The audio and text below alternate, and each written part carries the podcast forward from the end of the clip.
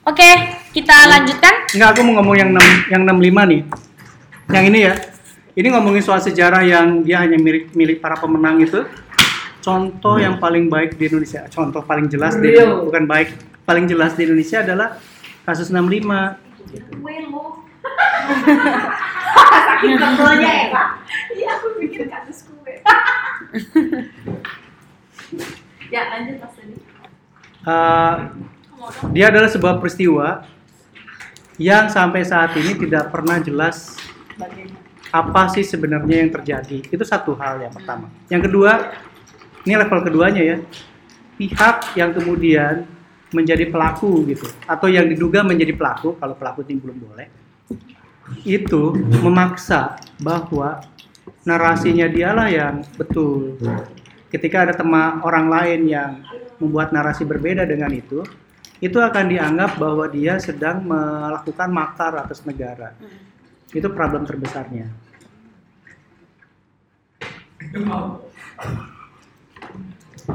Ada apa sih? Apa? Hah? Enggak, enggak, enggak. Oh, dia nggak nggak beli kopi, padahal dia yang nyatet. Ada dia nyatet. Enggak. Gue gak tau berarti. Ada cakep. Ya lu pada bahaya buat lagi bener.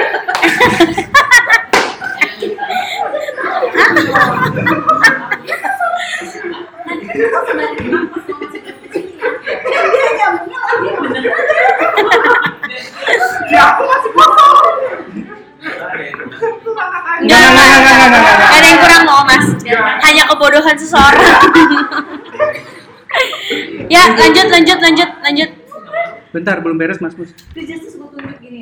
Tulis gitu. Itu masih kosong tuh apaan? Oh.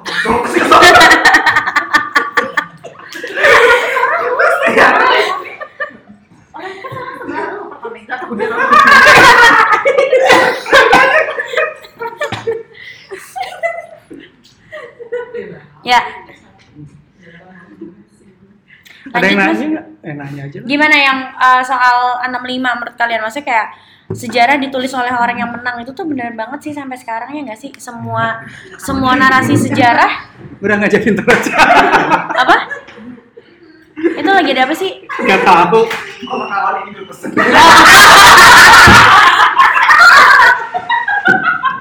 Break dulu.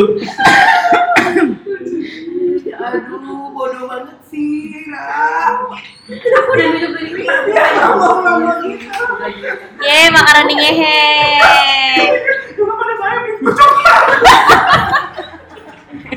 Kan gue bilang jangan jangan jangan komen. dan komen.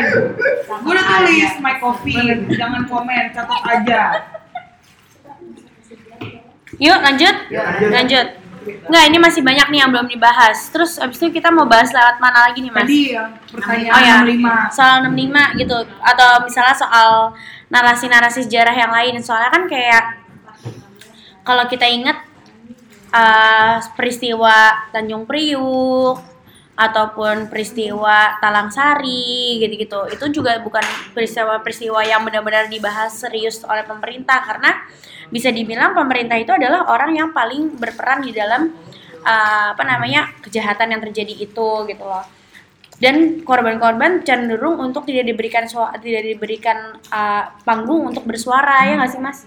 Ya kan? Nah menurut kalian kayak gimana apa ada yang mau memberi perspektif iya nih gue tahu nih cerita dari mana gitu kayak gini juga atau misalnya gue pernah baca di misalnya di uh, koran Skandinavia di Skandinavia kayak gini-gini juga atau gimana gitu ada yang mau memberi tanggapan soal itu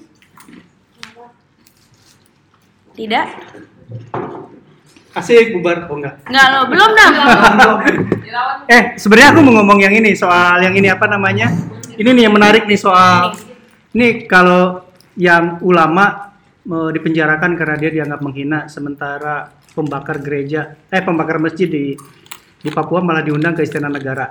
Persis itu memang persoalannya sekarang gitu. Maksudku gini, eh, ini sebenarnya kaitan dengan tadi mau nyambung sih. Eh, dengan cara pan- cara dengan dengan cara negara memperlakukan negaranya dan warganya gitu membasmi, kemudian me- melakukan pembungkaman. Jadi ada suara-suara yang berbeda atas alasan stabilitas kemudian di, dibungkam gitu. Nah, salah satu yang menonjol sebenarnya di, di zaman Orde Baru adalah membungkam suara yang pendekatannya berbasis agama, gitu. Jadi eh, gini, karena kan pilihannya kemudian dia menjadi ahistoris, apolitis dan nir nir sebenarnya gini, sekuler, bukan niragama, sekuler ya. Maksudnya gini, kemudian Orde Baru menciptakan eh, sistem atau ketika dia merencanakan melakukan menjalankan pemerintahannya itu masyarakatnya itu nggak bisa nggak Gengs, gengs. masyarakatnya itu nggak ini apa namanya nggak nggak diberi peluang untuk bicara politik. Kenapa? Supaya nggak ganggu gitu kan. Kalau melek politik dia akan ganggu gitu. atas nama stabilitas. Yang kedua ahistoris.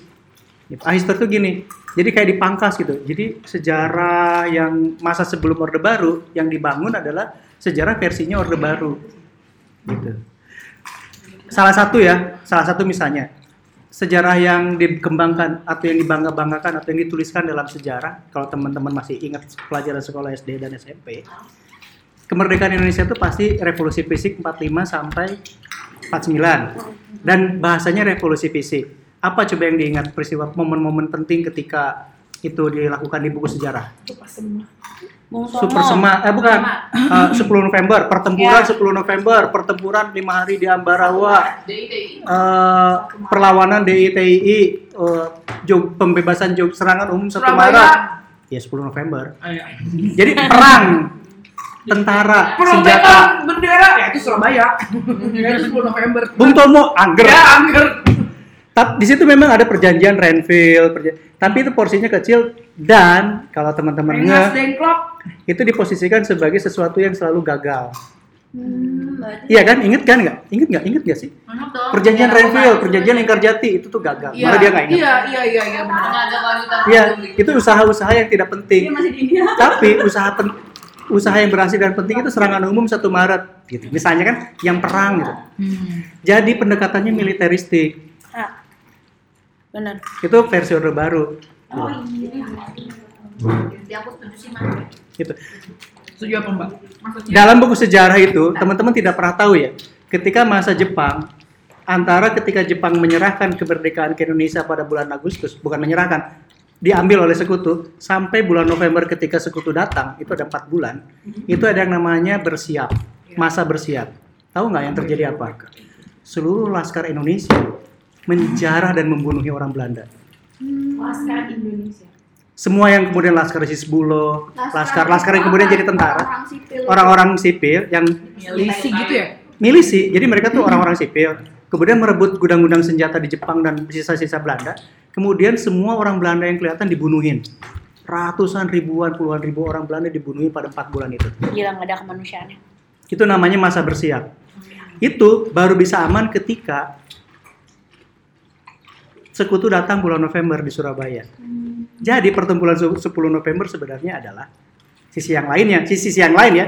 Pasukan Bung Tomo itu adalah penjara yang kemudian diamankan oleh sekutu. Mereka bertempur 10 November. Hmm. Itu pasukan penjara. Jadi Dia sedang oh. menjara semua rumah-rumah Belanda. Sekutu datang dan kemudian mengamankan itu. Terjadilah pertempuran. Fakta lain dari itu. Gitu. Yang Tapi cerita ada. itu tidak pernah diungkapkan. Iya. Iya, cerita utama. Pas siapa pasukan Bung Tomo itu, Hizbullah dan kawan-kawan, apa yang dikerjakan? Dia me- me- menggorok semua orang bule. Siapa pun orang bule kelewat langsung digorokin, gitu kan? Pantes nggak ada orang Belanda yang tinggal sini lagi. Kayak gitu. Kalau di Timor Leste masih ada orang Portugal. kakekku orang Belanda. Kalau Portugis sih masih aman, tapi kan itu di masa yang lain. Di Nah, itu hal-hal seperti itu tidak muncul. Itu satu misalnya. Itu di seluruh Indonesia Mas Dodi ya. Jawa sih sebenarnya. Yang terjadi di Sumatera adalah revolusi sosial. Tahu kan? Ketika salah satunya Amir Hamzah dibunuh. Penyair kita yang diagung-agungkan oleh Orde Baru itu dibunuh sama laskar. Gitu. Pembunuhan atas eh, warga asing itu ada dasarnya karena dia penjajah boleh atau ya Ya karena dia penjajah. Jadi kayak liar, suasana liar yang tidak ada. Memang dulu Iya pembenaran. Iya, iya. Jadi semua orang bule itu harus mati karena dia penjajah kan begitu. Kita udah merdeka. Iya. Tapi Ya, kan itu, itu tidak pernah diceritakan. Iya. Iya, bahwa yang namanya laskar itu tidak bersih bersih bersih juga gitu. Kamu tahu nggak ada yang cerita Naga Bonar? Iya. Film Naga Bonar itu real ada pencopet penjamret jadi laskar. Iya. Apakah dia tujuannya untuk Indonesia menang? Belum tentu. Itu untuk penjara gitu. Jadi ada tujuan-tujuan lain. Nah makanya ada satu periode kemudian itu Indonesia tuh berusaha me- meregrouping tentaranya. Laskar itu dikeluarkan, dipecat dari tentara semua yang dianggap tentara hanya mantan nikah dan peta pendidikan Jepang. Gitu. Mas tapi itu juga ada eh sebentar, Oke. itu sebenarnya cerita-cerita kecil yang aku maksud gini. Orde Baru itu ceritanya tentang militer, ceritanya tentang apa yang menguntungkan dirinya. Nah, kemudian jadi ntar dulu ya soal Iya, iya. pertanyaan. Soalnya yang yang mau kuungkap adalah kemudian itu membangun sebuah ini sifat yang tadi jadinya kekerasan jadi wajar, Iya. membenarkan gitu. Orang kemudian tidak biasa mengkanter sebuah cerita dari cerita yang sudah ada, sudah dianggap benar itu nggak boleh digugat lagi kan? Kalau digugat lagi kemudian menjadi eh, itu kesalahan dan itu pengkhianat atau apa pun gitu. Nah itulah kemudian kalau dalam analisis buku ini kan kemudian kekerasan itu jadinya struktural dan sistemik orang jadi biasa gitu, memaksakan kehendak ke orang lain. Panjanglah ceritanya tapi pendeknya begitu. Nah kemudian ketika agama diseragamkan, agamanya diseragamkan cu- cuma lima atau dibatasi. Ketika ada orang ngomong hal yang lain, itu nggak boleh itu dianggap kemudian dikafirkan kafirkan itu bukan dalam konteks agama ya tapi dalam konteks bernegara itulah makanya kemudian eh, ada isu soal DITI, NII dan kemudian ada beberapa sekte yang kemudian dihilangkan sebenarnya oleh tentara dengan alasan bahwa dia keluar dari jalur yang umum teman-teman sebenarnya ada banyak kasus bisa dibilang ada komando jihad yang kemudian di dihabisi Aku tahu karena itu di kampungku berdirinya dan dia dihabisi di Cimahi. Komando jihad itulah yang kemudian membajak pesawat di Thailand pada tahun 82, 83. Ada peristiwa itu, Wolya, peristiwa Wolya. Gitu. Terus juga ada eh, yang itu, yang PNI. Gitu. Terus kemudian ada, kalau DITI dari tahun 50-an sudah sudah ada sih. Memang itu jadi terus di masalah. Tanjung Priok, Talang Sari. Ketika ada orang berbasis ketika ceramah agama dan kemudian ceramahnya menyerang pemerintah dihabisin langsung gitu itu dan semua menyasar Islam Ya. kenapa pada orde baru menyasar Islam karena potensi pengganggu yang paling banyak memang dari Islam potensinya paling besar. Nah, agama lain waktu itu tidak. Belum muncul. Problemnya ketika reformasi persoalan-persoalan itu tidak pernah dibahas juga gitu. Itulah yang kemudian persoalan-persoalan perbedaan agama itu jadi persoalan yang baru gitu. Nah dulu persekusi atau tindak kekerasan terhadap minoritas seperti ah, Syiah, Ahmadiyah, ah, Bahai atau bahkan sekte yang di Sulawesi itu apa yang di Goa itu kan ada. Ya. Itu tidak terjadi bukan karena mereka aman, tapi karena itu sudah diwa- sudah dilakukan oleh tentara. Tapi ketika reformasi itu tentara tidak melakukan lagi, tapi si peristiwanya tidak pernah dibahas, cara pandangnya tidak pernah diubah. Akhirnya yang melakukan kekerasannya siapa? Kelompok mayoritas, masyarakat lain. Kenapa? Karena sejak zaman dulu dia sudah dicap bahwa dia itu salah. Iya. Gitu. Jadi kayak gitu kayak gitu. Problem yang lain adalah gitu. Itu kemudian jadi mainan politik. Mainan politik gitu. Dan ini mainan politiknya jadinya campur baur gitu. Di satu sisi ya, orang yang kelompok A menyerang kelompok B, ya kan? Kelompok B jadi korban. Kelompok B itu kemudian di ini sama pemerintah. Tapi di tempat lain kelompok B yang jadi pelaku, dia juga dinilai pemerintah. Tergantung kepentingan politiknya. Jadi ada ada perpisahan-perpisahan begitu. Nah, saya juga mau bilang bahwa soal ulama dipenjarakan kayak gitu juga terkait dengan ke, ini apa namanya kebijakan-kebijakan politik yang kepentingan-kepentingan politik yang simpang siur gitu antara ini apa persoalannya agama atau persoalannya ekonomi Hmm. gitu. Tergantung siapa yang lebih dekat kepada penguasa ekonominya. Ya. Belum tentu negaranya. Bisa jadi pengusaha yang jadi kepala ketua parpol gitu kan. Kayak gitu-gitu. Jadi memang melihat persoalan ini tidak kemudian kalau aku sih mau bilang begini, hmm, bisa jadi memang persoalannya bukan berbasis agama, tapi berbasis politik dan agama. Politik dan agama itu maksudnya bagaimana orang memainkan agama untuk kepentingan politiknya. Agamanya sendiri sebenarnya bisa jadi tidak ada masalah.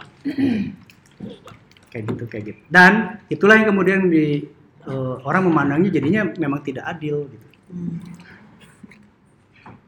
Itu sih sebenarnya mau lihat. Ada yang lain? Ada yang pertanyaan nggak dari situ? Enggak mas. Makasih ilmunya asik. Kalau maaf ya, Ini nggak apa-apa. Malah bagus kok. Nggak boleh minta maaf. Orang nggak ada salah. Iya, dari sisi Papuanya gitu ya, dia kan bakar bakar masjid ya. Dia aja yang menghina aja langsung di penjara gitu kan. Nah kenapa dia dibakar masjid tapi bakar masjid tapi malah diajak ke istana gitu kan itu bisa dibilang tuh suatu kehormatan diundang ke istana negara gitu itu pendapatnya kayak gimana?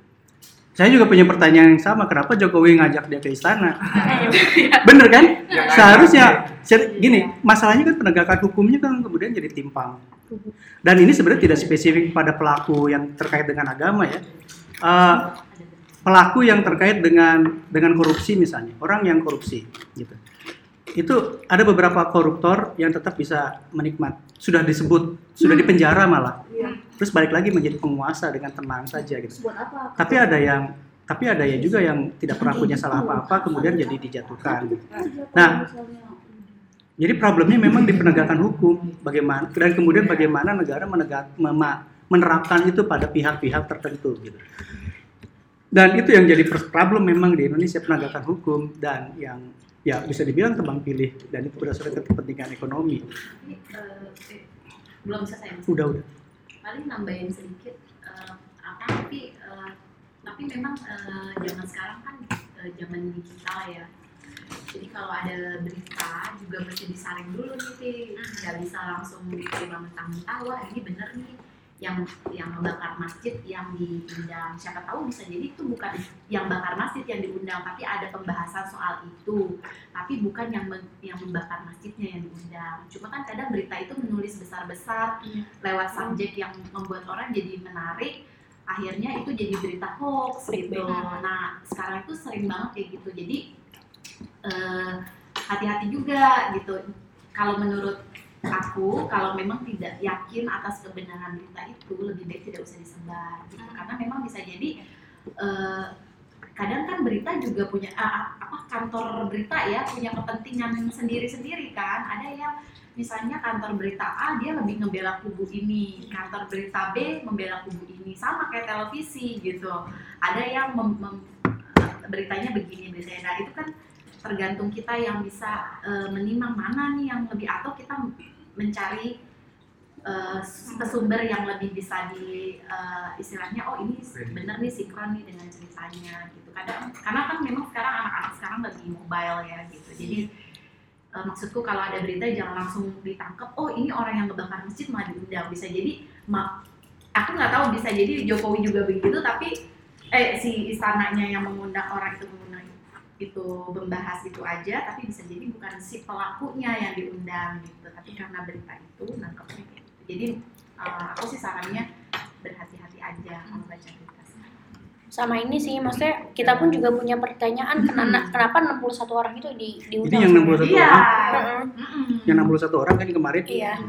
Itu Nah, itu kayak beda lagi hitung-hitungannya. siapa yang Iya, tapi memang akhirnya itu menjadi isu yang santer memang termasuk Iya. di sekolah anak gua. Tapi poin Citra itu penting soal penyebaran berita ya. Iya. Eh, masalahnya gini nih, bicara soal hoax, soal berita palsu gitu. Sebenarnya berita palsu di Indonesia itu sudah terjadi sejak tahun 60-an. Gitu. Artinya gini, yang kemudian menjadi informasi yang diakui sebagai kebenaran di masyarakat itu kemudian diciptakan oleh salah satu pihak Ya. demi kepentingan pihak itu dan kemudian memang jadi kebenaran. Dan itu sudah terjadi. Kenapa aku bilang sudah terjadi? Karena sudah ada fakta pembanding banyak gitu. Tapi tetap itu tidak diakui sampai sekarang. Fakta pembanding itu tidak diakui. Tetap sampai saat ini, hmm, aku nggak tahu persentasenya, tapi yang di, paling tidak yang dipakai di sekolah-sekolah masih cerita yang versi hoax itu. Iya. Gitu. Salah satunya pembunuhan lubang buaya, Iya. Mm-mm. ya kan? Nah, itu udah jelas kan itu hoax. Tapi di buku sekolahnya masih begitu loh. Iya. Gerwani menari-nari dan menyileti kemaluan. Padahal sudah jelas tidak ada, tapi artinya masih di hoaxnya masih diadakan kan, masih di. Nah, pada zaman Orde Baru hoax itu disponsori negara. Jadi memang diciptakan, dikontrol, dibuat gitu. Dan di- dimaksudkan untuk mempertahankan kekuasaan. Ketika reformasi, negara tidak punya kekuasaan itu lagi Tapi secara langsung. iya. Ada dua kemungkinan yang ada dua hal yang muncul. Pertama, jadi hoax itu nyebar di seluruh orang, di seluruh elemen. Pada saat yang sama, era digital masuk nih. Setiap orang menjadi sumber berita. Gitu kan? Dia aja bisa tuh eh, sekarang digebukin sama si Irawan misalnya pakai pakai kecap, pakai saus gitu. Pakai saus gitu di situ terus disebut bahwa ini kejadiannya KDRT di Riau di mana gitu. Bisa jadi viral, semua orang bisa jadi sumber berita dan semua orang bisa bis- bikin hoax gitu. Artinya dia jadi nyebar ke semua orang, makin susah dikontrol. Pada saat yang sama, kemudian negara mengimbanginya dengan menciptakan hoax yang baru gitu. Jadi memang makin semerawut nih soal pemberitaan itu. Terus gimana mengalam, me- mengatasi persoalan itu ya? Satu-satunya cara adalah istilahnya harus bersikap skeptis pada berita. Skeptis itu jangan langsung percaya. Semua berita gak boleh langsung percaya. Bahkan mungkin dari kita sendiri, Iya. dari aku bisa. Nih misalnya, nih buku nih ditulis berdasarkan riset bertahun-tahun. Tapi ya nggak harus langsung percaya dong. Iya. Dicek lagi gitu. Nah yang kayak gitu bahasa Islamnya mata bayu. Tabayun. Jadi dicek lagi, dicek lagi, dicek lagi, dicek lagi. Tapi gini, dalam beberapa hal ada sumber berita yang eh ada berita yang bisa dicek sumbernya, bisa diverifikasi. Ada berita yang tidak bisa. Kayak misalnya forward-forwardan di grup WhatsApp, Su, demi Allah, tapi nggak ada sumbernya dari mana. Ini nyata, saya saksikan sendiri. Saya tuh siapa? Kan keluar kan, tolong sebarkan. Kita tidak tidak akan pernah bisa memverifikasi. Tapi kalau dia disebut nama, disebut alamat, nomor telepon, itu penting. Buku ini, aku berani bilang, silahkan kalau nggak percaya dicek. Kenapa? Ada rujukan, ada catatan, ada kesaksian, ada tanggal, ada nama, bisa dirujuk. Nah, itu salah satu yang bisa dilihat mana berita yang bisa jadi hoax, mana apa ya tanda-tanda awal gitu bahwa ini bisa diverifikasi atau tidak. Kalau dia bisa diverifikasi, tanda awal bahwa bisa jadi nggak hoax. Gitu. Tapi kalau tiba-tiba ada sesuatu tanpa ada alat untuk memverifikasinya, nah kemungkinan hoax. Gitu. Nah eh, itu juga itu cara kita filter tahap pertama di antara kita. Bagaimana kita, apakah betul informasinya belum tentu juga. Gitu. Nah memang harus disaring sih semua. Gitu. Itu yang jadi problem. Nah memang terkait dengan Papua yang saat ini juga memang rumit gitu. Yang 61 orang kemarin juga itu beda lagi sebenarnya gitu. Itu yang diundang adalah memang orang-orang yang dekat dengan kalangan istana ternyata. Itu, itu artinya orang-orang yang Iya. orang-orang yang bisa disinyalir oh dia pernah terlibat di kasus Tolikara, dia pernah terlibat di kasus di Jayapura. Ya artinya dia orang orang istana, orang yang dekat dengan kalangan istana. Artinya kasusnya itu juga terkait dengan kepentingan dari istana, Tolikara dan segala rupa. Kayak gitu kayak gitu kan, itu yang perlu perlu dicek gitu. ujung-ujungnya sejarah berulang seorang kan Saya tuh mau yang mengundang orang untuk dipaksa Iya, saya tuh mau bilang bahwa walaupun sekarang ada banyak orang bilang bahwa sekarang tuh orde baru versi baru Iya. dan kemungkinan besar iya Dua apa? 2.0 2.0. versi kedua oh jangan handphone ya Iya, demokrasi titik empat empat titik nol gitu. demokrasi Orde baru S kalau misal iPhone. Iya S. Karena apa? Undang-undangnya banyak undang-undang yang direvisi yang kemudian malah menjadi makin represif, makin menekan. Banyak undang-undang baik yang kemudian direvisi lagi. Jadi kan dibalikin lagi, jadi kayak zaman dulu-dulu gitu. Ormas lah tentang korupsi yang baru kemarin soal koruptor ternyata bisa di. Jadi ada undang-undang sebelumnya koruptor itu nggak boleh di di diremisi apa di, dikurangi masa tahanannya. Iya. Baru sore tadi itu diresmikan perubahan, jadi boleh. Iya, boleh. Baru tadi Iya. berapa apa bisa dikasih remisi. Ini juga kan Gerasi. apa namanya? Remisi, pengurangan, pengurangan. Jadi kalau bisa dia di penjara 10 tahun, ya itu kan bisa eh, kalau remisinya bisa 50%, artinya bisa lima tahun. Plus remisi lebaran, remisi Iya, tahun iya, baru, iya. remisi kebaikan, Ber- ujung-ujungnya cuma dua tahun udah keluar. berperilaku orang apa Iya. berperilaku baik Baik. Kayak gitu. Tommy Soeharto tuh di penjara 25 tahun, tapi dia cuma lima tahun di penjara. Dan dan sekarang dia udah bisa bikin Dan dia sekarang udah Partai. udah begitu lagi gitu. udah nyalek Gitu. untung nggak pilih Gitu. Jadi jadi memang dalam dalam nah dalam buku ini ya ada satu yang yang penting yang butuh dicatat yaitu pemerintah menciptakan hukum untuk melanggengkan kekuasaannya. Itu terjadi di Orde Baru dan sekarang. Musuh kita pemerintah nih mas kata yang. Kamu Eh Bani. Bani aku mah gitu. Mbak baik, Mbak baik. Ini ada lagi apa nih menghargai antar umat beragama lebih terasa. Ya, ya ini kemudian eh oh ini diskusinya ada yang lain sih. Gitu. Kekerasan-kekerasan itu kan akhirnya di Indonesia jadinya ngomongin soal identitas. Lu siapa, gua siapa. Iya. Ada yang suku, ada yang agama. Ini jadi balik lagi ke Terus- lagi kan Mas Dodi. Aku nggak tahu ini siapa yang ke mana? Kan dulu lagi. Nama gua kambing. Nah ini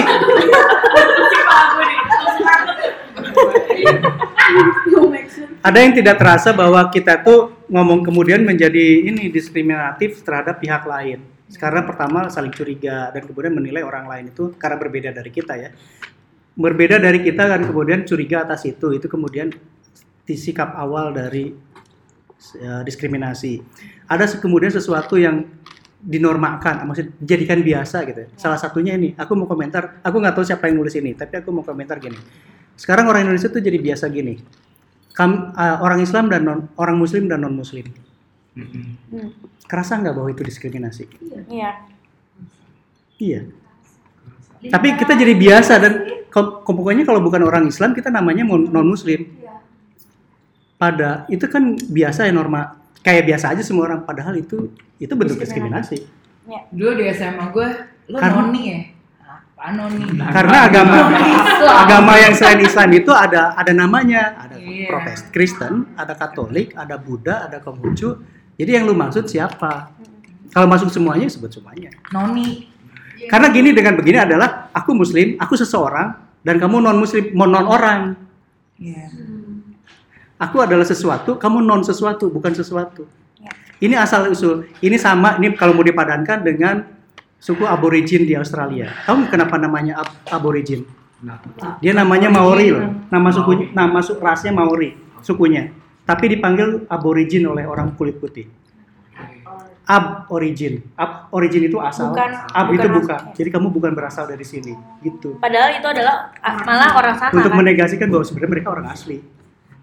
Gitu. gila ya Tapi kalau dikenal sekarang aborigin ya, bukan Maori itu ya. Ya Maori, Harusnya. Ma Maori itu. Itu sukunya. Tapi kalau kenapa jadi itu, mereka juga akhirnya reclaiming dengan bilang bahwa oke, gue aborigin tapi gue gitu. Ini ada suara yang mereka lain.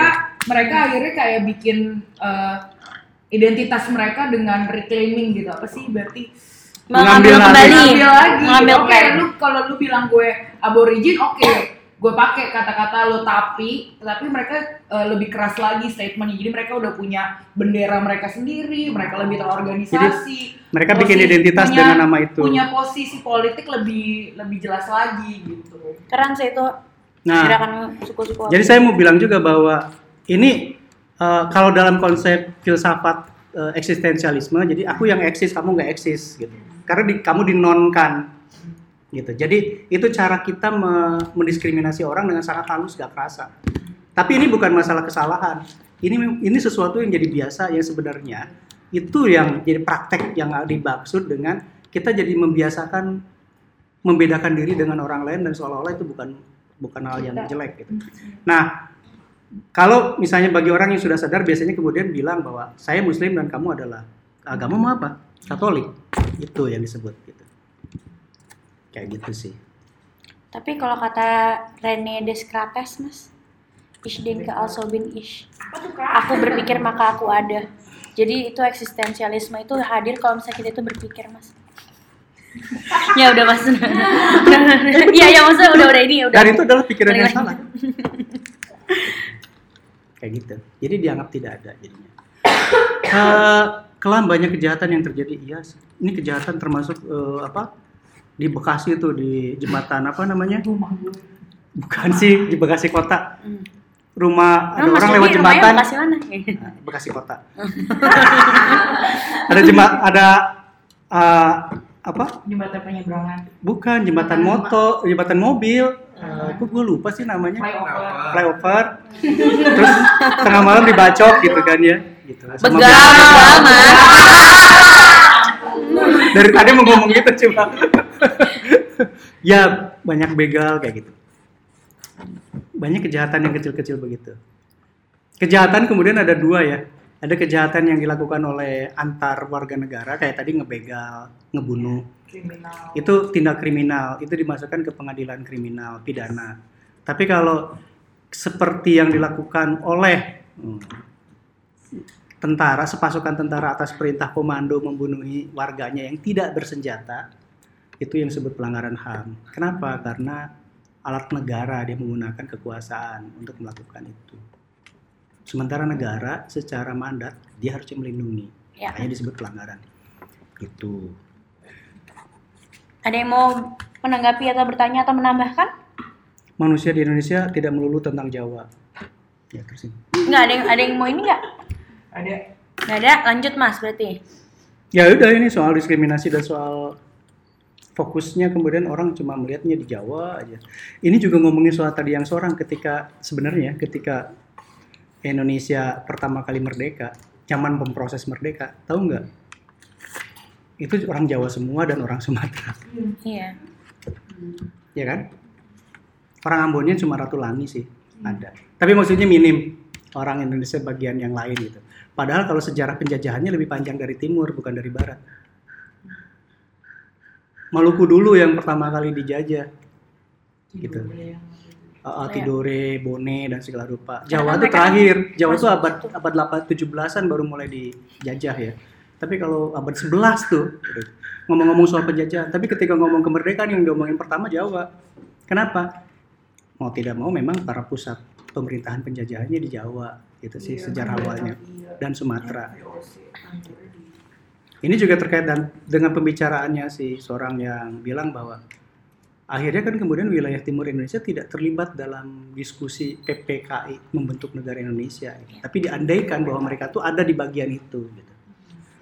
Nah, emang bagusnya gitu, beberapa negara di wilayah timur dan di wilayah barat itu memang kemudian secara sukarela me- me- ke dalam Indonesia gitu. Aceh, Aceh termasuk yang terakhir sih sebenarnya. Aceh yang terakhir yang menyatakan diri masuk. Yang pertama masuk kan Jawa, eh, Jogja. Negara Jogja waktu itu udah negara dia. Problemnya adalah yang di timur tidak ditanya. Yang paling parah Papua gitu. Dan jadi perdebatan juga sebenarnya di persiapan kemerdekaan Indonesia. Di Indonesianya perdebatan. Jadi bisa iya bisa tidak ya tadi yang yang yang Ci- yang diomongin oleh Citra itu bisa iya bisa tidak karena perdebatan. Ba- Sebagian orang menganggap itu sudah bagian di Indonesia, sebagian orang menganggap itu belum. Tapi kalau ditanya di Papua, itu 100% mereka bilang bahwa itu bukan bagian. Itu sih problemnya. Menarik ya. Ada lagi yang mau dibahas? Sepertinya Irawan sudah kalau gue nggak tahu ya respon maksudnya mendengar jawaban teman-teman kayak jadi muncul kepikiran sih dengan segala apa yang kita hadapi gitu sehari-hari ini dengan dengan membaca berita dan eh, ia menghadapi segala kemelut berbangsa hari ini masih ada nggak sih rasa cinta terhadap tanah air kita tuh aku jadi memunculkan pertanyaan itu. Masih lah. kayak kalau masih apa bentuknya Masih banget. Jadi kalau menurutku kayak hal-hal politik dan lain-lainnya. Dulu itu aku nggak terlalu melek, tapi pada saat aku melek aku merasa eh gue jadi nggak bisa ngelakuin apa apa yang bisa gue lakuin nih gitu loh. Jadi kepikiran kayak gitu. Karena kita lebih aware sama si politik yang berbagai macam drama kayak gitu sih. Nasionalisme NKRI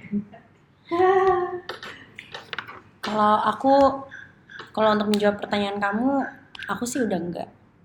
Tapi aku cinta orang-orangnya. Iya sama sih gue lebih Aku cinta sama bangsa. bukan sama pemerintahan bukan bukan pemerintah tapi bentuk dari negara ini aku enggak tapi kalau misalnya sama orang-orangnya kayak maksudnya ya kemarin ya kalian tau lah aku nangis gitu di Gojek gara-gara tahu RKUHP mau diketok lah KPK mau diketok sampai kemarin gitu karena tuh bagaimana dengan teman-temanku yang bakalan terdiskriminasi karena aturan-aturan konyol ini gitu loh aku lebih ke sana sih. Uh, pemikiranku bagaimana caranya mengubah agar teman-temanku tuh nggak kenapa-napa atau aku pun nggak kenapa-napa. Bukan masalah aku mau mempertahankan keutuhan negara ini kah? Atau misal aku mau membuat negara ini lebih bagus kah? Nggak aku nggak ke arah sana. Tapi aku mau menjamin bahwa teman-temanku tidak akan mendapatkan diskriminasi. Makanya kan Kayak gitu. sebenarnya pertanyaanku lebih besar dari hanya dalam konteks negara sih kayak tanah air tanah sih. air. Kayak bang Lu itu kayak Oji. itu dia kayak gitu. Kalau teman-teman Iya, because bahasa Indonesia you know, Di ultimatum gitu. Udah lahir besar di sini, tapi kayak udah ditanamkan kalau aku tuh seorang ya orang Indonesia. Tapi sejak sini tuh selalu ada apa sih artinya untuk jadi orang Indonesia? Sementara kamu lahir, hidup dan besar tidak Iya. terkait dengan ini. Ya itu ya itu dan itu kayak layer berikutnya lah. Jadi kayak di sini tuh lebih ke yang ya mirip sama Raisa sih, kayak lebih ke orang-orangnya. Tapi kalau aku mungkin karena lebih cenderung ke budaya ya, so it's more like um, gimana cara mempertahan mempertahankan eh, budaya nari, budaya-budaya yang yang sudah ada lama senian lah ya ya kesenian yang udah ada lama ya, jauh sebelum you know all of this shit happen ya itu sih cuman kayak oh apakah ini Indonesia? Bukan juga apakah tarian Bali Indonesia? Apakah tarian kayak ada di Aceh itu Indonesia? Apa sih itu? Like ya lebih ke situ sih. Enggak itu cuman ya tarian dari tarian dari wilayah. sini sini ya dari dari ya per wilayahnya aja sih. Bukan kayak oh ini identitas Indonesia di merge jadi satu gitu.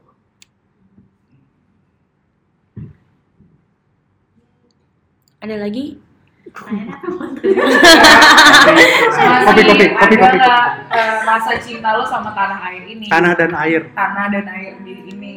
Kayak dari penjelasan Mas Dodi eh, dan juga omongan eh, eh, jawaban teman-teman sih gitu. Sebenarnya kan kita ngomongin ini juga untuk untuk semangat kebangsaan. Masih aku. Kenapa gitu kalau masih? Kenapa? Karena gue merasa ada kalian yang memperjuangkan. Akhirnya ada yang positif. terus mukanya kayak males gitu kan dari dulu baca kelas. Bukan kan ada kita kuat belum? Enggak maksudnya kan masih ada orang-orang maksudnya gini eh, bukan kalau- cuman ka- bukan cuman kalian kamu Iya. juga. termasuk aku. Maksudnya ya aku kan dengan minim kesejarahanku dengan minim kepengetahuanku tentu saja kalian yang melengkapi kan.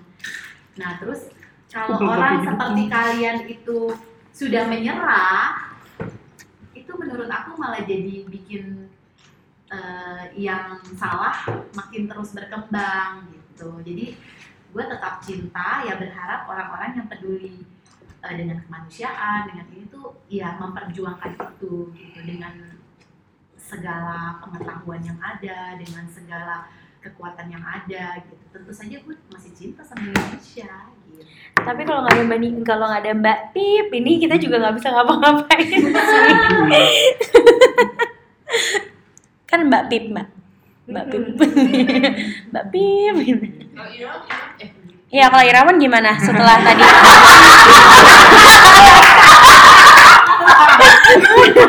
lu tinggal suara lagi Gue gue. ya habis kupil jangan dong. Lu mandi lu, ngupil dia tadi. Masuk tayamum tayamum tayamum Najis dong itu. Gimana kalau Irawan? Eh, kalau aku gimana? Kalau aku sih masih sih jujur aja. Tapi masih dia usah jujur. Mas, ta- tapi kalau menurut aku eh, ini akan berubah nantinya. Kalau menurut aku, walaupun yang aku pelajari dari training itu, orang ketika udah nyampe di atas itu lupa.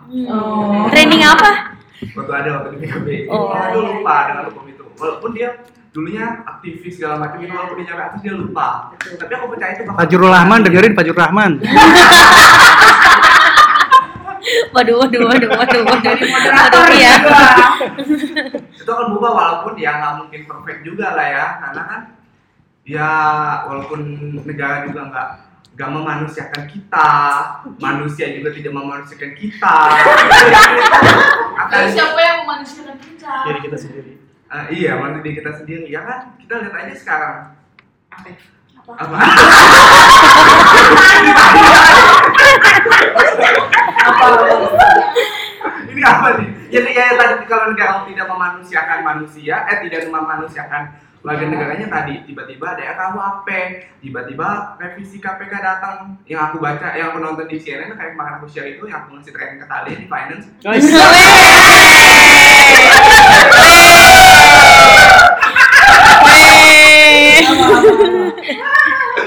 Iya.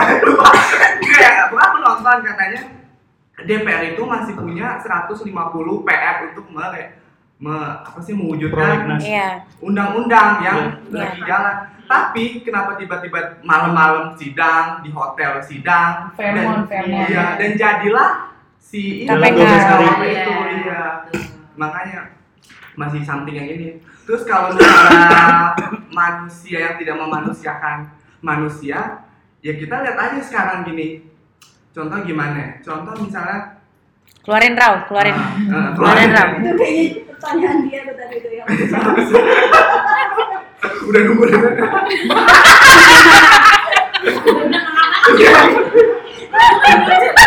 Enggak, coba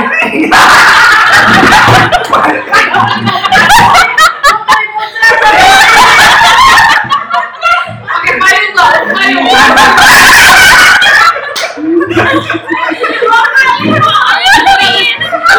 Going, Mbak, going. Kenapa tuh? Kenapa tuh?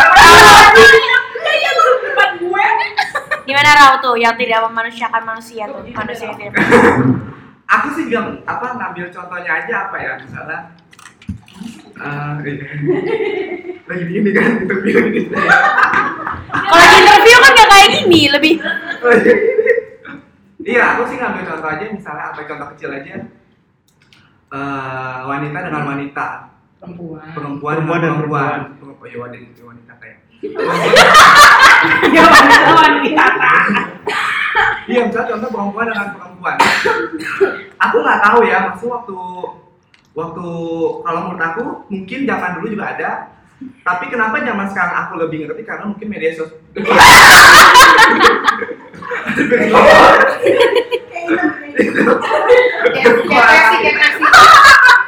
eh bagaimana tadi? Perempuan dan perempuan. iya aja lagi. Eh, Zaman dulu. Eh serius, serius, serius. Iya, iya zaman dulu mungkin aku lebih ngerti ya, maksudnya lebih kayak lebih aware tentang tidak meman tidak ada kemanusiaan ini di antara perempuan dan perempuan. Contoh, misalnya contoh perempuan satu lebih berhasil dengan perempuan perempuan A perempuan- dan perempuan B lebih perempuan A lebih berhasil daripada perempuan B. Perempuan A ini ini ini jangan dengan perempuan B. Kenapa? Gitu kan. Misalnya contoh.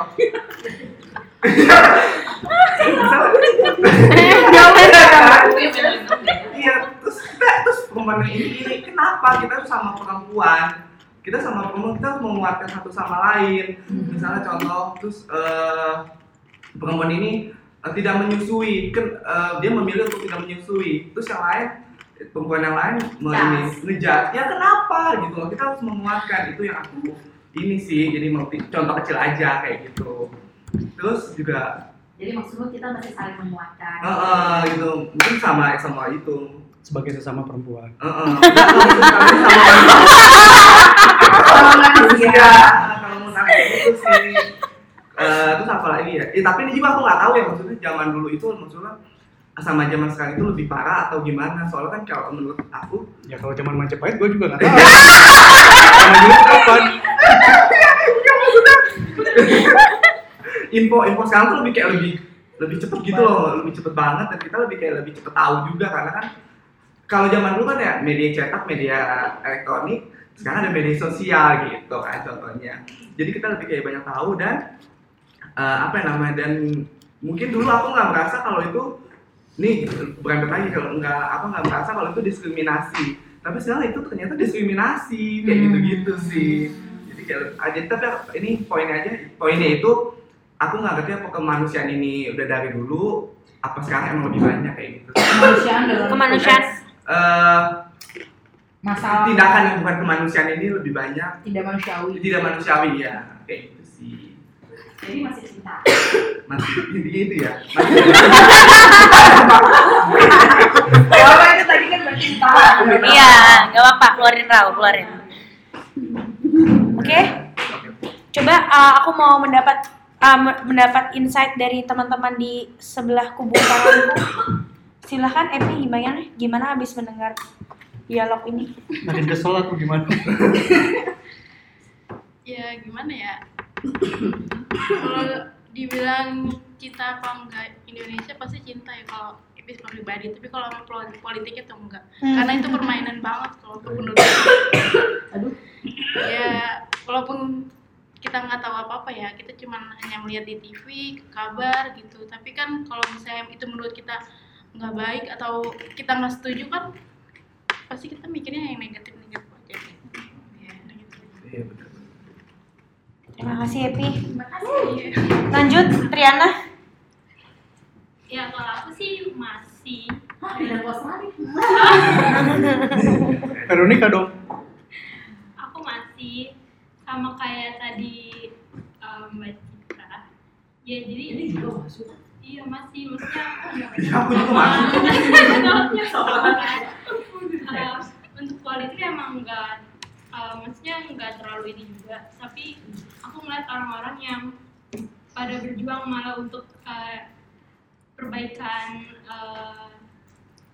lain sendiri maksudnya banyak banyak yang masih peduli walaupun eh, masih banyak yang kayak salah eh, nggak tahu ya kayak kesalahan dari politiknya tapi yang bikin warganya mungkin kayak malah kesusahan tapi masih di ditahanin atau di malah kayak direncanain kayak gitu-gitu ya makanya aku masih karena masih banyak yang peduli sama uh. Menarik. Terima kasih Triana. Eh, Kak Sorong. Eh, Jadi gue sebutin nama semuanya ya.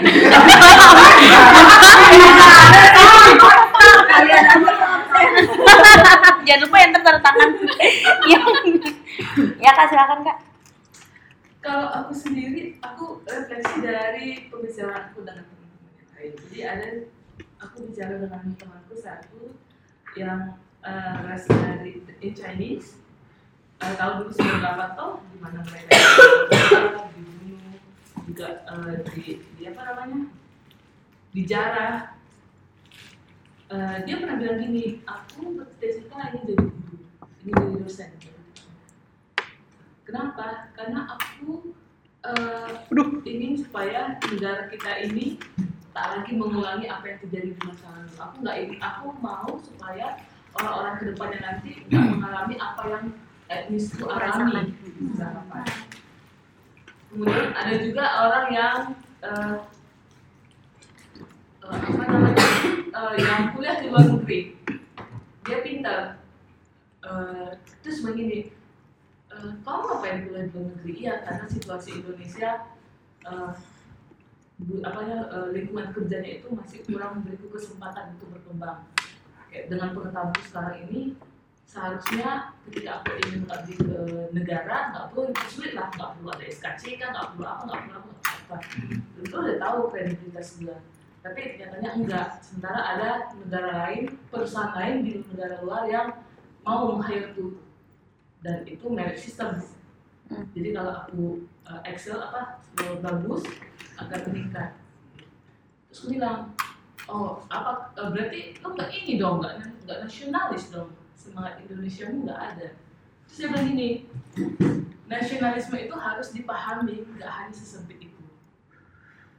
urusan perut, urusan pekerjaan itu eh, tak lantas membuatku tidak eh, tidak nasionalis karena eh, Indonesia itu kan tidak dilihat hanya dari pemerintahnya saja dilihat juga dari kulturnya dilihat dari orang-orangnya dilihat dari budaya-budaya dilihat dari kalian semua aku mencintai Indonesia dia bilang.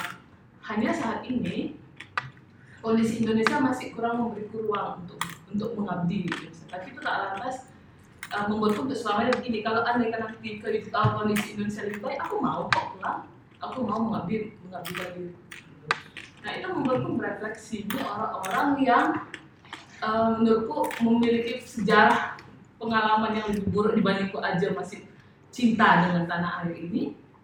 Kenapa aku enggak? Aku pikir gitu ya. Eh, aku dulu berusaha untuk me- menjarakkan diriku dengan Indonesia. Bahkan berusaha kayak dari kuliah walaupun susah susah apa pun aku nggak mau akses beasiswa pemerintah kayak gitu. Atau kalau ada apa-apa enggak. Cuma aku pikir iya ya kalau andaikan enggak kita yang berusaha terus siapa lagi gitu. Kalau kita nggak cinta sama Indonesia siapa lagi yang cinta sama Indonesia? Orang Malaysia atau orang Filipina. Dan eh, balik lagi Indonesia itu kan nggak hanya pemerintahannya saja. Eh, kayak gitu. Dan eh, cinta Indonesia itu nggak hanya dilihat sebatas di masa kini saja tapi gimana anak cucu kita nantinya gimana generasi generasi berikutnya. Selama kita belum punya opsi yang lebih baik dari bentuk kenegaraan yang ada saat ini eh, menurutku penting untuk eh, mencari cara untuk memperbaiki negara ini aku percaya the the the best is yet to come. It's also the same the worst is is yet to come as well. Akan ada masa-masa di mana kita akan terjun ke bawah, tapi akan ada masa-masa di mana juga kita akan naik melangkah jadi lebih baik. Ma manic atau depression nih? Mau tahu lanjutannya tuh. Tunggu episode selanjutnya. Pastinya akan stuck di satu tempat Betul. di, titik- di titik itu sendiri kayak gitu. Jadi kalau dibilang ma- kamu masih cinta nggak sama tanah air? Aku mengatakan aku masih cinta sama tanah air. Dis- regardless of these conditions kayak gitu. Karena Apa tuh kak bahasa Indonesianya? eh, terlepas dari kondisi saat ini, karena aku percaya kita nggak akan berhenti di saat ini saja. Akan ada kemenangan-kemenangan kecil yang ketika akan dikumpulkan jadi kemenangan yang Besar. Coba lanjut, Kicai, gimana Cai? Udah ya tadi? Udah. Mas Dodi, Berarti enggak, kakaknya dulu lah. Oh, gue yang Belum. Ya udahlah mbak, udah, udah. Sebenarnya kalau gue sih gimana ya, bingung juga sih kayak waktu itu gue udah pernah cerita di grup WhatsApp kita. Eh, posisi gue sebenarnya love and hate relationship gitu. Nah, makanya gue sebenarnya kalau ketika ngomongin memori itu toxic relationship tuh gue yang nulis ya guys aja. Karena eh, gue mencintai tapi eh gue tuh suka banget ada satu lagu Papua kak itu kak. Eh sungaiku mengalirkan emas. Eh, apa sih itu judulnya depannya di sana namaku yang hujan Inilah hidup, eh, Enggak, enggak, itu misteri. oh misteri hidup. Ini ini lagu yang si waktu itu si kawan kita eh, yang muda, fasilitator muda Jayapura. Oh yang nyanyi. Iya, dia bilang gini di di di di acara kita di Gute, eh, dia bilang biasanya kami kalau di Papua sebelum memulai acara kami menyanyikan lagu ini Tanah Papua. Bukan, Tanah Papua ya bukan. Bukan Indonesia Raya gitu. Di situ eh, apa namanya gue jadi kayak berpikir keras dan sebenarnya takut sih. Gue juga waktu itu langsung dam- langsung demam mendadak keringat dingin. Terus saya saya sebagai MC bu, dia ngomong kayak gitu, nggak mungkin pulang gue gitu kan. Sementara intel intel lagi banyak, pusing kali wah. Tapi maksudnya dia demam ya, demam ya. Panas dingin loh? Tapi dia dengan berani gitu dia ngomong wah udah terlatih banget nih anak gitu bilang kayak gitu. Tapi yang jadi poinku adalah sebenarnya lirik dari lagu itu gitu. Ini kan sebenarnya semangat mencintai tanah tanah Papua gitu dengan segala eh, air sungai dan kandungan eh, alam di dalamnya gitu. Terus gue jadi me- me- mem- membandingkan dengan lagu Indonesia Raya. Anjir nih cheesy sih. Tapi ketika dengerin lagu Indonesia Raya yang bait kedua dan ketiga eh apa? Bukan Stase, stase. stansa stansa. Stansa. stansa kedua ketiga menurut gue justru eh, nilai-nilai fondasi negara kita mimpi-mimpi Indonesia itu ada banget di stansa kedua dan ketiga. Kalau misalnya teman-teman googling sekarang eh, coba googling. Kata-katanya tuh keren banget gitu. Di mana di mana kita tuh diminta warga negara jadi eh, di, di, di pertama aja sebenarnya kata-katanya keren tuh.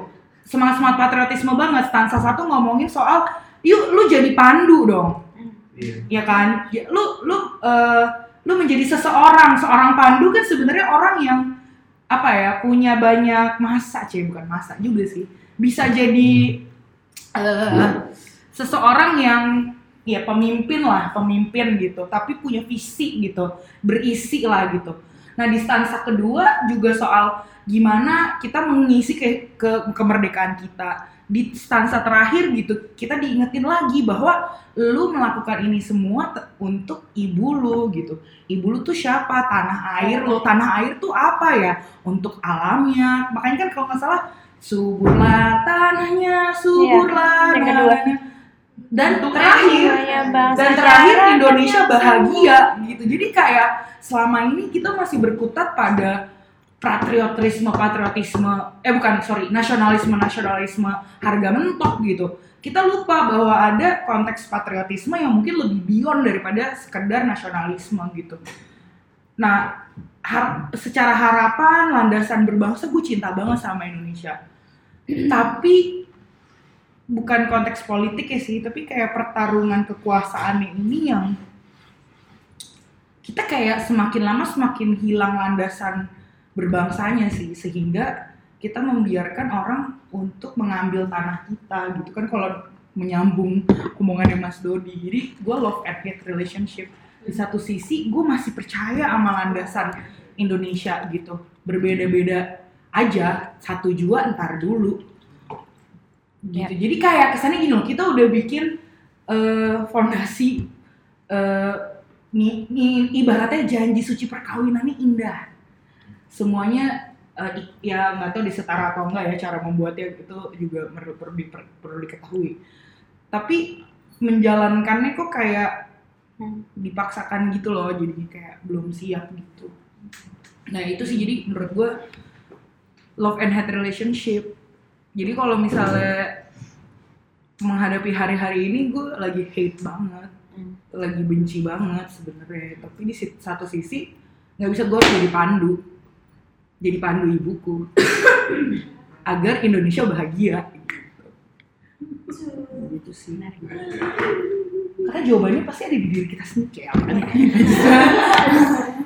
Terima kasih Kakak Nia. Untuk mungkin ini terakhir ya Mas Dodi penutup dari kamu untuk menjawab pertanyaan Kakak Nia dan ditutup. gue penasaran sih sebenarnya sama Iya. Kamu masih jawaban- cinta gak sih Mas sama Indonesia, sama tanah Jadi air? penutup itu berat tau. Iya. Ah, nggak nggak nggak usah jadi penutup komentarku aja Iya. gitu. ya. Aku sih sebenarnya se- mirip dengan Kania. Ih nggak boleh dong. eh boleh boleh. Kan berbeda-beda. Tapi Eh. satu jua. Udah sama ininya casingnya boleh dong. Miring. Nanti tinggal ditanya ya, ibu hamil? Hamil nggak mas? Nah, kamu merasa hamil nggak? Enggak sih. Enggak mbak, enggak. Sebanyak seminggu. Pernah gue terjadi. Oh di airport. Eh itu itu cerita yang lain Itu nanti di episode selanjutnya. Iya. besok pagi Tapi gue jadi inget ini kan, Pak Jardin. Hmm. Pak Jardin itu dia orang Kalimantan yang tanahnya diambil oleh perusahaan tambang. Ketika dia memprotes, karena itu diambil semena-mena ya tanpa ngomong, dia di penjara. Dia bilang gini, "E, dulu saya selalu bersemangat menyanyi Indonesia Raya, tapi sekarang saya nggak bisa nyanyi itu. Kenapa? Ketika bait eh, apalah hiduplah tanahku gitu Hiduplah. belum baru hiduplah tanahku tanah yang mana saya nggak punya tanah gitu. Kan. Terus ketika eh, ininya airnya gitu. Air yang mana? Air air keluarga saya sudah hilang. Saya nggak punya tanah nggak punya air. Kalau saya disuruh bilang bahwa hiduplah tanahku hiduplah negeriku di mana saya harus hidup? Karena tanah saya diambil oleh orang yang mewajibkan saya nyanyi lagu itu. Oleh pihak ya bukan orang. Nah tapi dia kemudian sampai sekarang berjuang untuk merebut tanahnya dan airnya gitu. aku sih merasa konsep mencintai kemudian bisa jadi sangat sangat berpengaruh pada memang cara kita hidup ya dan cara kita hidup juga bukan soal kerja ya. tapi itu sumber di mana kit- kita dilahirkan di sini tapi kemudian di tempat kita lahir sendiri diambil diambil orang gitu ya terus kita disuruh mencintai sesuatu yang sudah diambil orang lain Toxic relationship. itu ironinya ironi banget gitu nah aku kalau ditanya soal soal itu aku tidak punya pengalaman sama seperti Pak Jardin itu ya. Tapi aku juga akan menjawab yang sama. Aku disuruh mencintai apa? Ketika oh, hal yang mencintai yang harus dicintai itu menyiksa gitu atau me- malah me- melakukan sesuatu yang- ya kayak tadi gitu me- menyiksa dan melakukan kejahatan gitu. Eh, jadi aku akan jawab bahwa ini sebenarnya sebuah apa? Sebuah hubungan yang akan terus bertarung mungkin sampai meninggal gitu. Cinta itu adalah bentuknya adalah upaya perjuangan itu gitu. Cinta itu udah perjuangan gitu. Bahwa kamu cinta nggak? Ya selama gua masih berjuang berarti gua masih cinta. Jadi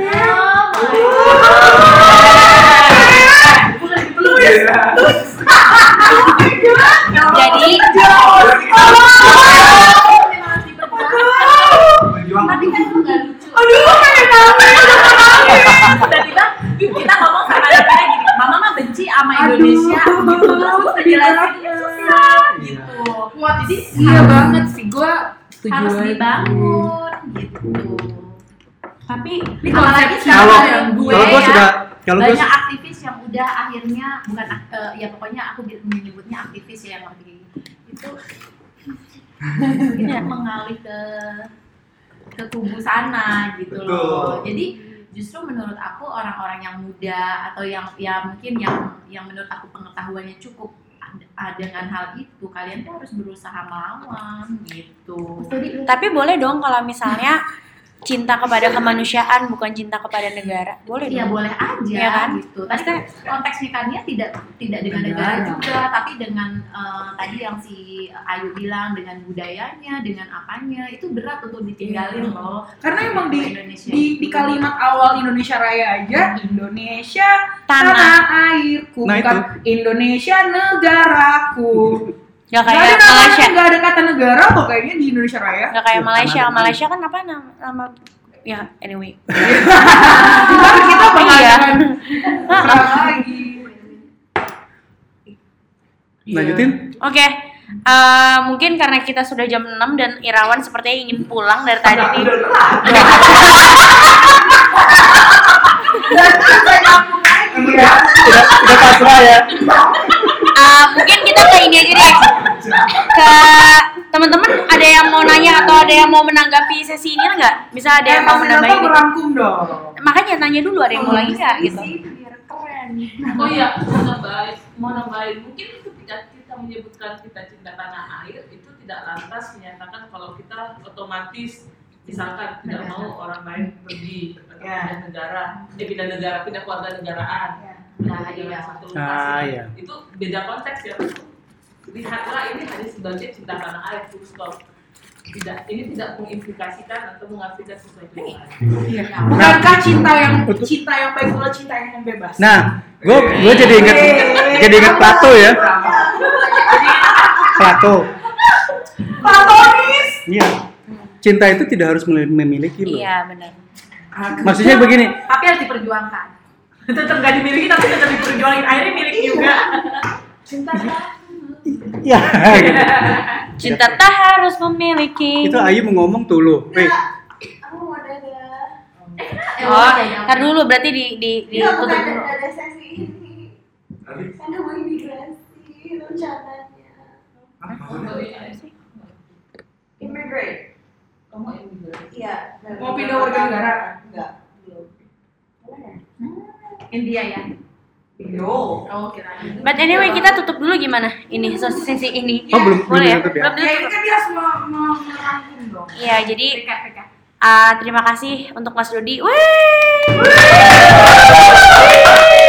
kawan.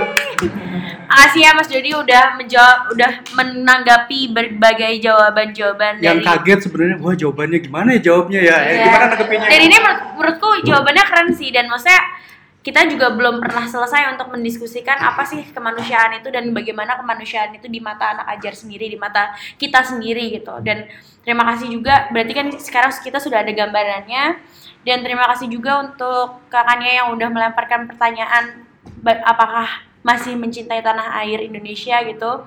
Karena itu juga buat refleksi kita masing-masing ya sebe- sejauh apa sih kita mencintai tanah air ini dan apakah kita benar-benar mencintainya atau misalnya bagaimana cara kita mencintai itu tuh juga berbagai macam gitu terus eh, di sesi ini juga kita tahu banyak hal kayak misalnya sejarah kenapa Papua itu bisa masuk dalam Indonesia dengan cara dipaksa tanda kutip terus habis itu bagaimana juga diskriminasi itu selalu terjadi di Indonesia, akar akar permasalahannya apa, lalu sejarah yang tidak pernah ada di dalam buku uh, sekolah selama ini dan ada di buku menemukan kembali Indonesia dan versi versi uh, kecilnya PDF-nya ada ah, enggak, versi PDF-nya ada di ajar uh, asiaajar.org silakan teman-teman kalau mau di du- diunduh. Lalu ada juga yang dari pamflet itu judulnya adalah yang kelewat dari buku sejarah dan itu bagus banget dan teman-teman kayaknya mesti harus baca itu untuk pengetahuan sejarah juga dan itu sangat ringan untuk dibaca. Jadi terima kasih untuk semuanya. Sampai bertemu di sesi bincang sore bersama Pip lainnya ya. Mungkin selanjutnya ada request dari bincang sore bersama Mbak Citra gitu misalnya untuk pelatihan finance bagaimana bisa melakukan penghitungan akuntansi sama tahun awal? Iya. iya.